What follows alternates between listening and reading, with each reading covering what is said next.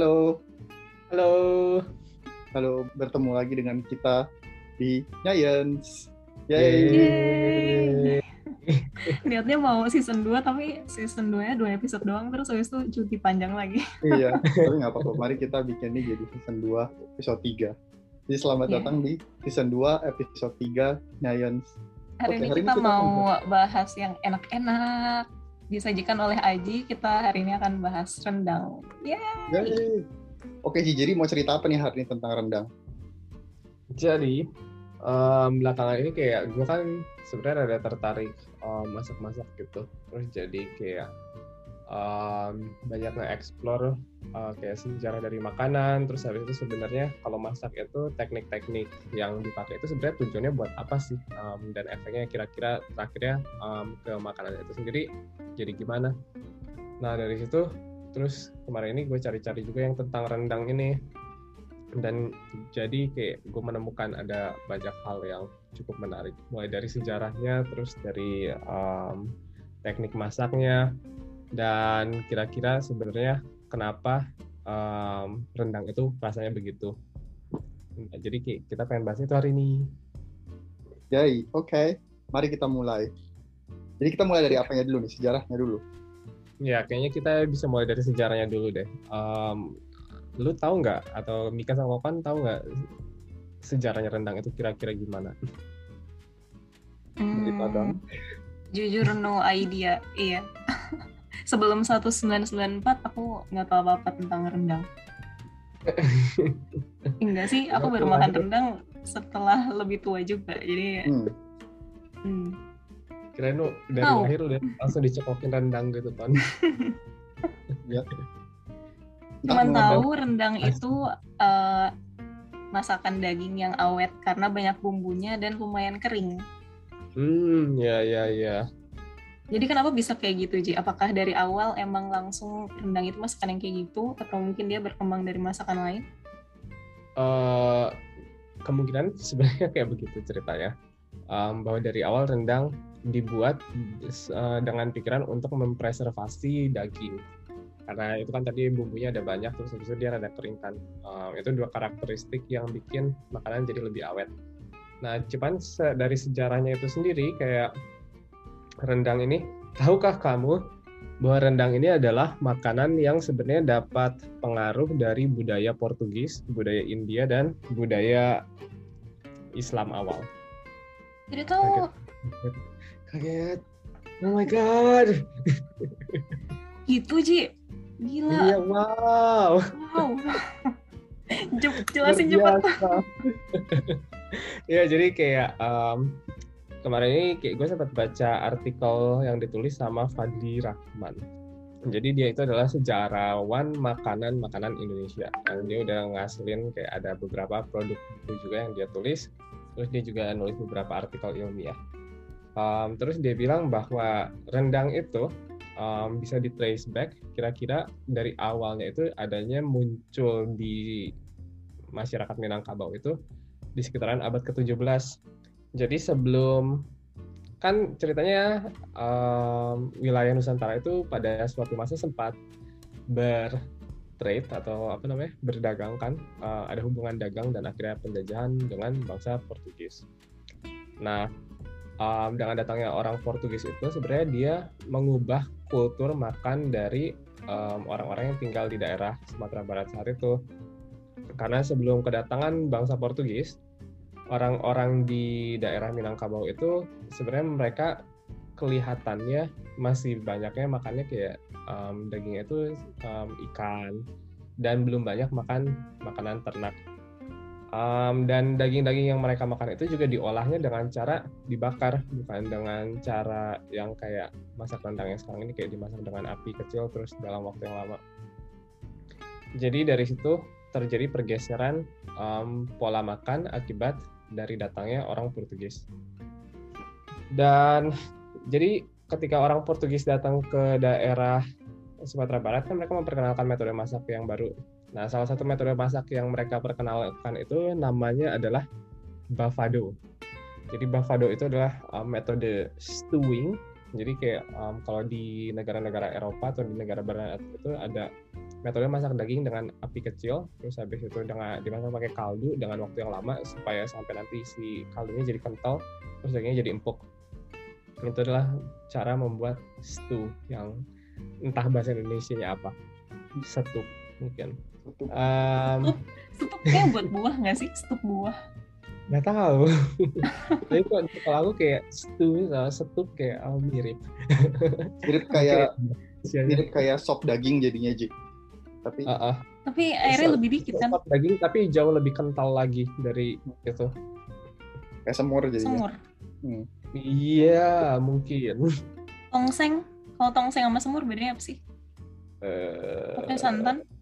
Tongseng kayak pakai santan deh, ya. Harusnya yang kambing itu kan. Hmm. Iya. Lebih Nah, mirip jadi mungkin itu kayaknya rada mirip gulai deh, rada mirip gulai tapi sedikit lebih kental. Oh, tapi nggak bersantan kan kalau Iya, sana? ah, ah, tidak. Nah, um, jadi Menarik. tadi nyampe mana? Oh ya, kayak um, kedatangan bangsa Portugis kan memperkenalkan metode masak itu kayak si bavado itu. Dan uh, dari situlah um, metode masak untuk masak rendang muncul.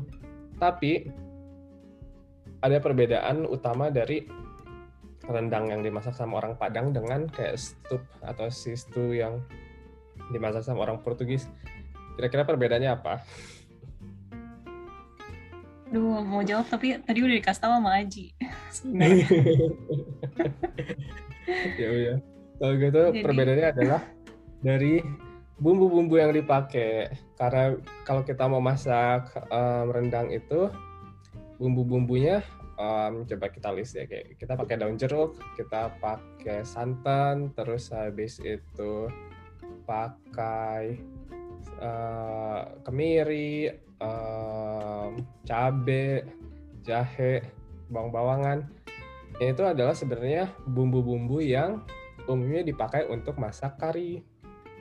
Jadi masak rendang itu dia sebenarnya kalau dari bumbunya sendiri, dari perspektif bumbu-bumbu yang dipakai itu sebenarnya em, banyaknya dari dipengaruhi oleh masakan-masakan India. Yang dibawa ke daerah Sumatera juga akibat dari perdagangan. Jadi kayak ternyata perdagangan itu memperkaya budaya kuliner kita. Hmm. Jadi sebenarnya berarti sebelum Portugis datang Indonesia kan berarti sudah berdagang dulu dengan maksudnya bukan Indonesia sih ya. Dulu masih masih in, apa Nusantara gitu. Heeh. eh iya atau pulau-pulau kecil gitu kan. Terus mereka udah mulai berdagang dengan dengan mungkin India atau pedagang-pedagang ap- dulu pedagang-pedagang Arab udah masuk belum ya? Masuk, masuk, masuk. Udah udah masuk juga ya berarti. Ya terus setelah itu Portugis datang jadi kayak dari situ ada ada kawin banyak kultur gitu ya. Mm-mm. Ya akhirnya melahirkan si rendang itu. Dan kalau pengaruh dari bangsa Arabnya itu sendiri adalah di dagingnya itu sendiri. Karena rendang itu kan sekarang kebanyakan pakai dagingnya daging sapi kan, meskipun beberapa orang pakai daging ayam juga. Cuman em, kalau di trace back dari masa-masa sebelum kedatangan apa- atau penyebaran Islam itu, orang kalau makan daging di daerah Minang itu kayak mereka masih makan dagingnya em, tipe-tipe yang kayak daging celeng. Sesuatu yang sangat tidak umum untuk dimakan saat ini kan. Uh, jadi kayak um, pengaruh dari orang um, Arab datang ke sini dan menyebarkan agama Islam itu adalah sekarang masak rendang itu biasanya menggunakan daging-daging yang sifatnya halal. Tadi kamu bilang eh, kan bumbunya itu bumbu kari ya. Berarti sebelum menggunakan daging pun udah banyak masakan kari. Kayak kari Hmm. ikan. Iya, um, jadi um, Mas Fadlinya bilang bahwa sebenarnya um, kelihatannya daging-daging itu udah lambat laun setelah kedatangan bangsa Portugis itu semakin banyak dikonsumsi. Tapi ya dagingnya masih daging yang belum umum dan metode masaknya juga sebenarnya udah mulai dimasak dengan cara yang mendekati cara masak rendang. Karena mereka mulai dibumbu-bumbuin dengan rempah-rempah yang ada. Terus di roast um, roast itu apa sih? Kayak dibakar atau di Dipanggang. grill. Heeh, kayak gitu. Tapi kayak belum mendekati rendang juga. Nah terus terakhir-terakhir dengan kedatangan atau perkenalan agama Islam di daerah Sumatera Barat akhirnya rendang menjadi rendang. Jadi setelah ke- kedatangan Portugis itu belum jadi rendang berarti. belum belum belum. Menarik bang. Menarik campuran budaya gitu. Kayak banyak kan kayak banyak di Indonesia juga banyak makanan Belanda karena kita dulu pernah eh, dijajah dan kemudian makanan Belanda itu di kayak diserap masuk ke ke Nusantara terus kemudian sekarang terus kemudian kalau kita kalau kita bandingin sama makanan Belanda yang origi yang originalnya sekarang di Belanda kayak sebetulnya nggak sama kan Mm-mm. sedikit beda mirip kayak evolusi organisme gitu ya menarik Iya. Memang ternyata budaya juga berevolusi ya, nggak dilihat-lihat. Oke, jadi itu adalah dari sejarah makanan bernama rendang atau sejarah dari rendang itu. Em, terus sekarang kita bakal bahas sedikit tentang hmm, gimana sih cara masak rendang Eh, dan kira-kira sebenarnya dari step-step masaknya itu em, proses apa aja yang terjadi. Jadi ini kalau menyadur dari detik.com dan dari sumber-sumber lain, em, cara masak rendang itu em, bahan-bahan yang kita perlu itu pertama ada jelas daging sapi, terus ada santan, terus ada daun jeruk, ada serai, ada asam kandis, ada minyak goreng, ada bawang-bawangan, terus habis itu ada cabai, ada lengkuas, ada kemiri. Dan ada tambahan rempah-rempah lain kayak em, cengkeh atau kayu manis atau anis itu apa ya bahasa Indonesia? Star anis. Kapulaga. bisa di kapulaga, kapulaga, kapulaga. Yang bisa juga dimasukin untuk kayak memperkaya si rasanya. Nah, jadi em, itu bahannya. Em, cara masak itu adalah pertama semua si bumbu-bumbunya itu dihalusin. Em, habis itu ditumis dengan minyak goreng sampai harum. Terus habis itu dimasukin sisa bahan-bahan yang sifatnya tidak halus kayak daun jeruk dan sebagainya. Terus habis itu baru masukin dagingnya nih. Dagingnya terus habis itu diaduk-aduk. Em, terus habis itu dimasak bareng sama santan. Terus habis itu dipanasin sampai em, kira-kira 4 jam, 4 atau 5 jam dengan api kecil. Pokoknya sampai si airnya itu seret dan dagingnya jadi empuk dan warnanya jadi kecoklatan. Jadi itu cara masaknya. Tapi kalau secara saintifik, sebenarnya kira-kira apa sih yang terjadi selama proses masak rendang? Em, pertama itu kan kita ngalusin bahan-bahannya, terus habis itu kita tumiskan. Kira-kira tahu nggak kalau misalkan kita numis bumbu itu sebenarnya tujuannya buat apa? biar mateng Hmm, beda Mhm. rasanya kalau nggak ditumis dulu. Ah, kira-kira sebenarnya apa yang bikin rasanya jadi beda ketika ditumis itu? Hmm, kalau berarti kalau misalnya ditumis kan dimasaknya pakai minyak, sedangkan kalau misalnya masukin santan dulu baru uh, bumbu-bumbunya masaknya berarti pakai air panas. Berarti ada bedanya tuh. Yes. Jadi dengan kita numis bumbu-bumbu itu, kan kita numisnya pakai minyak kan. Satu proses yang terjadi di sana adalah proses ekstraksi senyawa-senyawa non polar yang ada di dalam masakannya. Apa itu senyawa non polar? Jadi senyawa non polar itu intinya adalah senyawa-senyawa yang dia sebenarnya tidak larut di dalam air, tapi dia bisa larut di pelarut organik kayak ya dalam kasus ini minyak Hmm. jadi di dalam bumbu-bumbu itu kan pasti ada senyawa-senyawa yang dia berpengaruh terhadap rasanya yang em, kalau misalkan kita nggak tumis dulu, itu kan bakal susah buat mengeksposi senyawa-senyawa itu ke dagingnya secara merata. Dengan kita meng- menumisi bumbunya itu, senyawa-senyawa yang sifatnya non polar ini jadi keekstraksi ke dalam minyak. Jadi kan dia larut di minyak ya. Jadi begitu kita masukin dagingnya dan kita masukin santannya terus kita aduk-aduk, dagingnya itu bisa diekspos em, dengan senyawa-senyawa ini tuh dengan secara lebih merata. Itu satu. Terus ketika kita masak terjadi proses yang namanya karamelisasi. Ada proses karamelisasi yang akhirnya dia ngeluarin rasa manis dari masakannya itu sendiri, dari bumbu-bumbu yang ada. Dan yang terakhir itu yang sebenarnya satu proses yang uh, ada kucing lucu banget. Dan terakhir yang paling penting itu dari semua senyawa dari semua reaksi yang ada itu mungkin sebenarnya adalah reaksi yang kita sebut sebagai reaksi Maillard. Nulisnya Maillard. Dibacanya Maillard kata internet. Jadi M A I double L A R D gitu ya. Ya, jadi kalau misalkan nonton-nonton kayak video masak segala macam gitu, pasti chefnya suka nyebut, iya kita masak kayak gini sampai dia terjadi browning supaya, hmm, atau dia bilangnya sampai supaya reaksi Maillard-nya terjadi. Jadi Maillard ini karamelisasi itu berarti. beda beda beda karena kalau Beda. karamelisasi itu yang bereaksi adalah gula dengan gula. Tapi kalau Maillard ini, Maillard itu dia mirip sama karamelisasi dalam artian dia ngasihin warna coklat. Makanannya berubah warnanya jadi coklat. Tapi em, senyawa yang bereaksi itu dia berbeda dengan proses karamelisasi. Karena kalau misalkan em, reaksi Maillard itu yang bereaksi adalah gula, gula-gula yang sifatnya gula produksi dengan protein atau dengan asam Hmm. amino.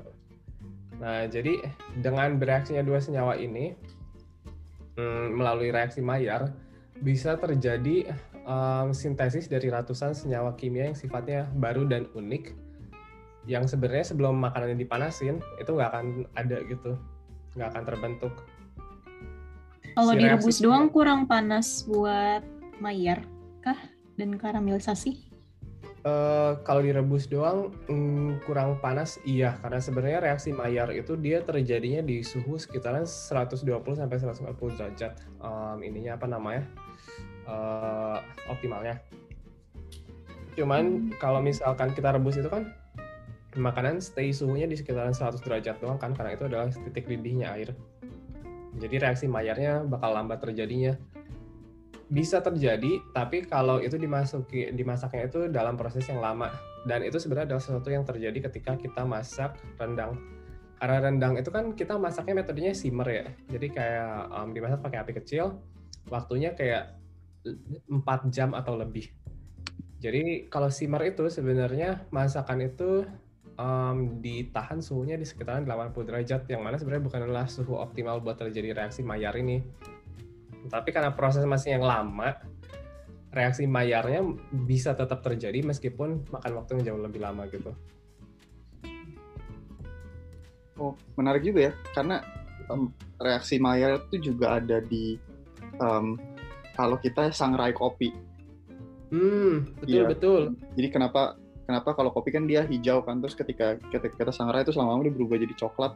Salah satunya karena karena ada Maillard ma- eh, Maillard reaction gitu yang yang juga bikin kenapa kopi punya punya rasa eh, kadang-kadang bisa jadi rasanya lebih cok eh, kayak kayak coklat gitu atau em, kayak ada aroma-aroma tertentu yang di dalam kopi gitu. Betul. Hmm, Jadi Berarti kalau Maillard misalnya itu- beli beli kopi terus deskripsinya ada rasa karamel itu karena si Maillard ini. Iya, Salah satunya iya kayaknya sih. karena kopinya habis di roast rasa si rasanya bisa berubah gitu. Meskipun um, jelas bahwa bahwa bahan baku awalnya juga pasti berpengaruh terhadap kualitas rasa akhirnya sih. Cuman ada rasa dan ada aroma baru dan tampak visual yang baru yang muncul ketika reaksi Maillard ini terjadi. Hmm. bener Jadi sih. yang paling karakteristik itu kan ya tadi perubahan warnanya dari tidak coklat menjadi coklat. yang lainnya itu kayak um, dia pokoknya berpengaruh juga buat ngasilin aroma-aroma dan rasa yang sebenarnya unik dari masakannya itu sendiri. Jadi kayak reaksi Maillard itu mungkin salah satu reaksi yang paling penting ketika kita masak. segala sesuatu. Segala- Karena itu yang menghasilkan kombinasi rasa dari berbagai um, bumbu yang kita masukin atau dan bahan yang kita masukin. Yang tadi eh, masak pakai minyak mengekstrak senyawa-senyawa yang non polar itu juga menarik deh. Kayak Hmm. nggak nyangka selama ini setiap proses tuh ada apa ya? Ada kegunaannya. Hmm. gitu. heeh. Iya terus kayak baru nyadar juga gitu kalau memang bener gitu kalau misalnya kita masak yang gampang apa ya masak bawang misalnya mungkin atau masak apa di di minyak gitu terus kayak wanginya tuh beda ya sama kalau misalnya kayak bawang kita rebus aja gitu misalnya Mm-mm. Mm-mm.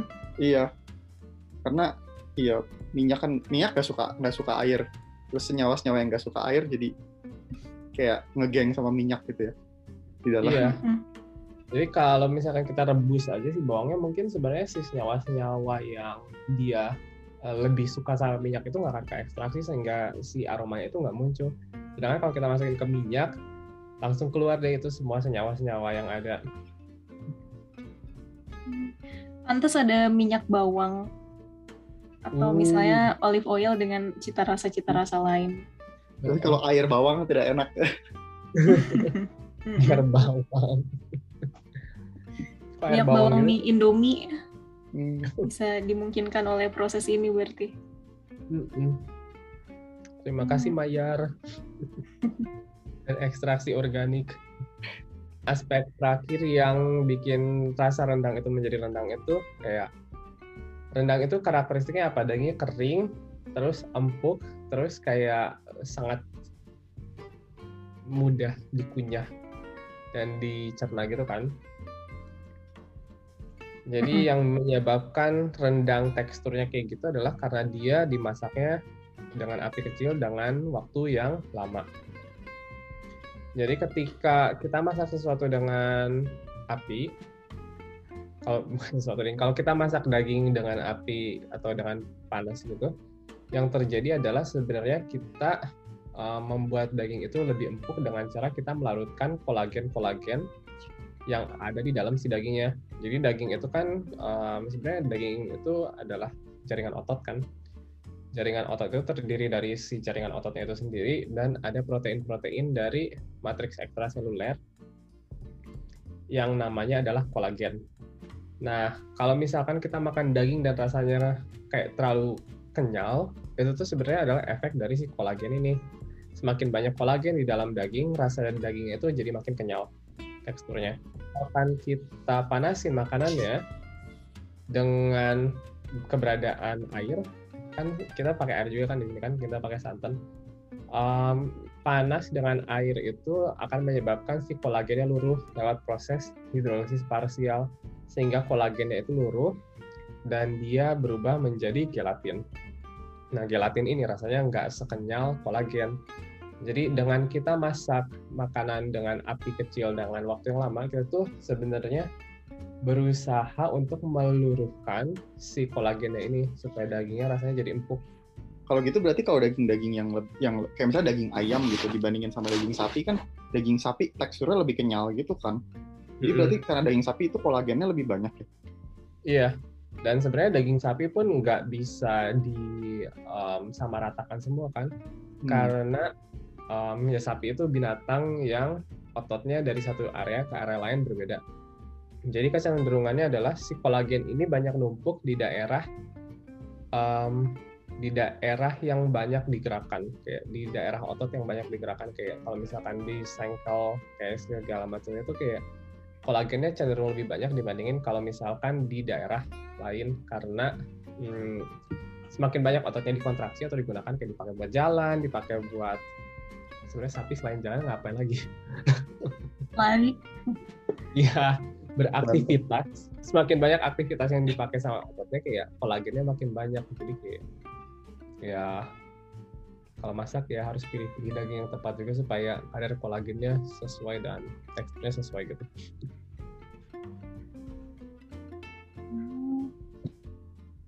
Cuman kayaknya kalau buat masak rendang pakainya daging yang memang kolagennya awalnya banyak deh. Soalnya memang dia dimasaknya lama banget kan.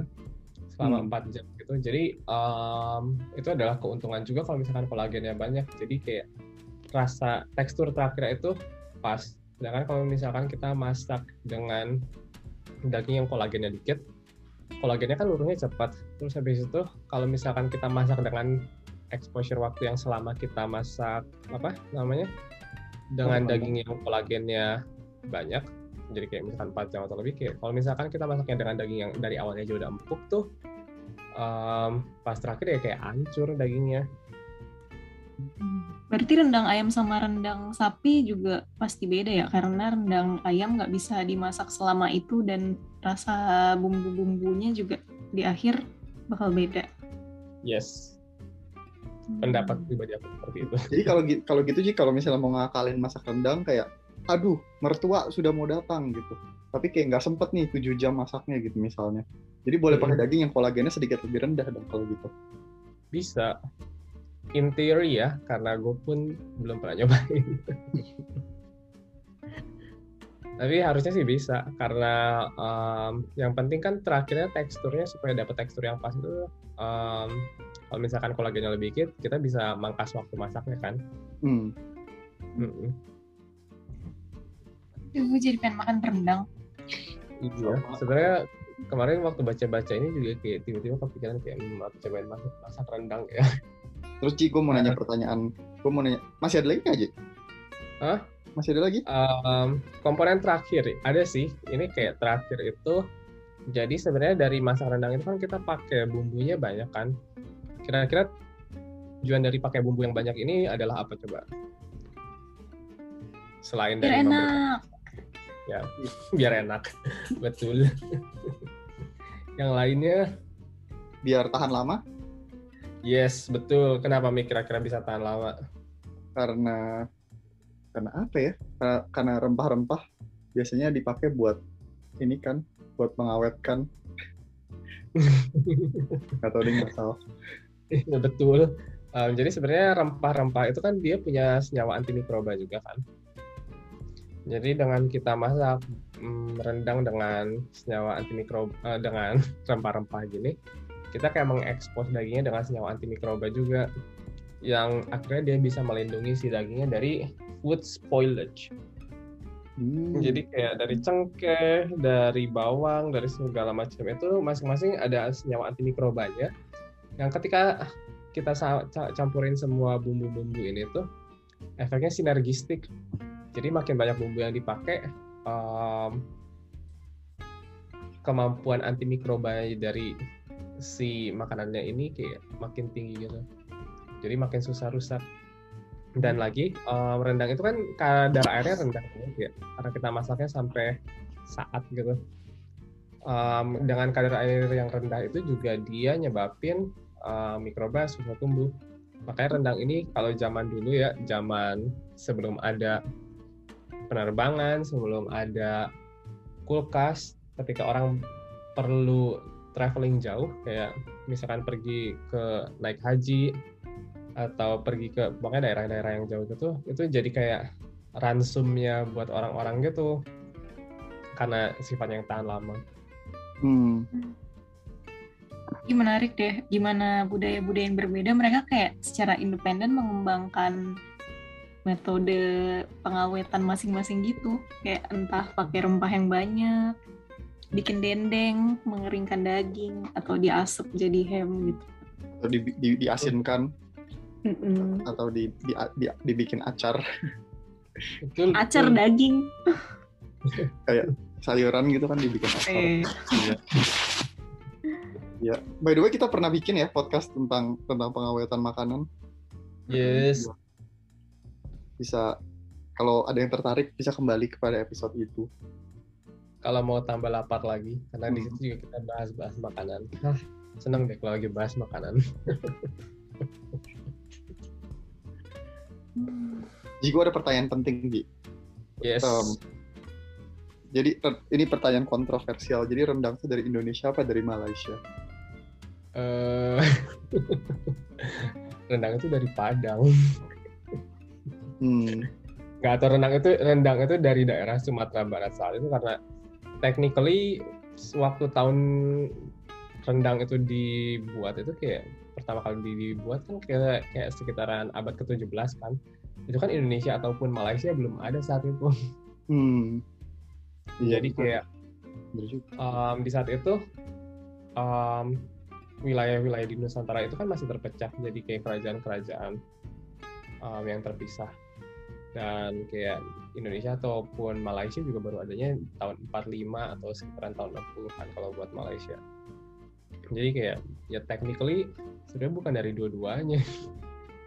Dan yang terjadi adalah um, kenapa akhirnya di Malaysia bisa ada rendang itu? Sebenarnya karena orang Minangkabau juga dari daerah Sumatera Barat itu um, pada waktu yang sama di sekitaran abad ke-17 juga mereka banyak akhirnya migrasi ke negeri Sembilan.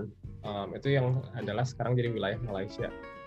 Jadi kultur makanan di sana juga berkembang dengan rendang mereka sendiri.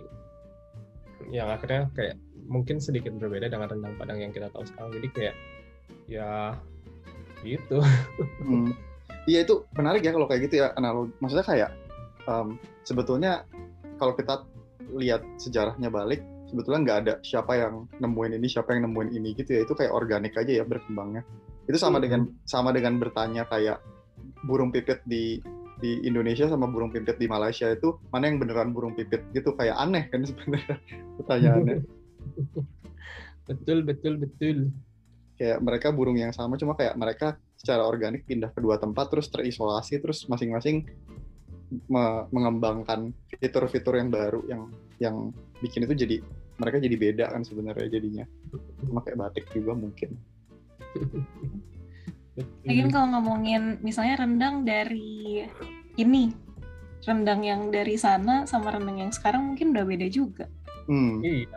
Rendang Malaysia, rendang Indonesia sekarang sama rendang tahun 1700 itu rasanya udah beda.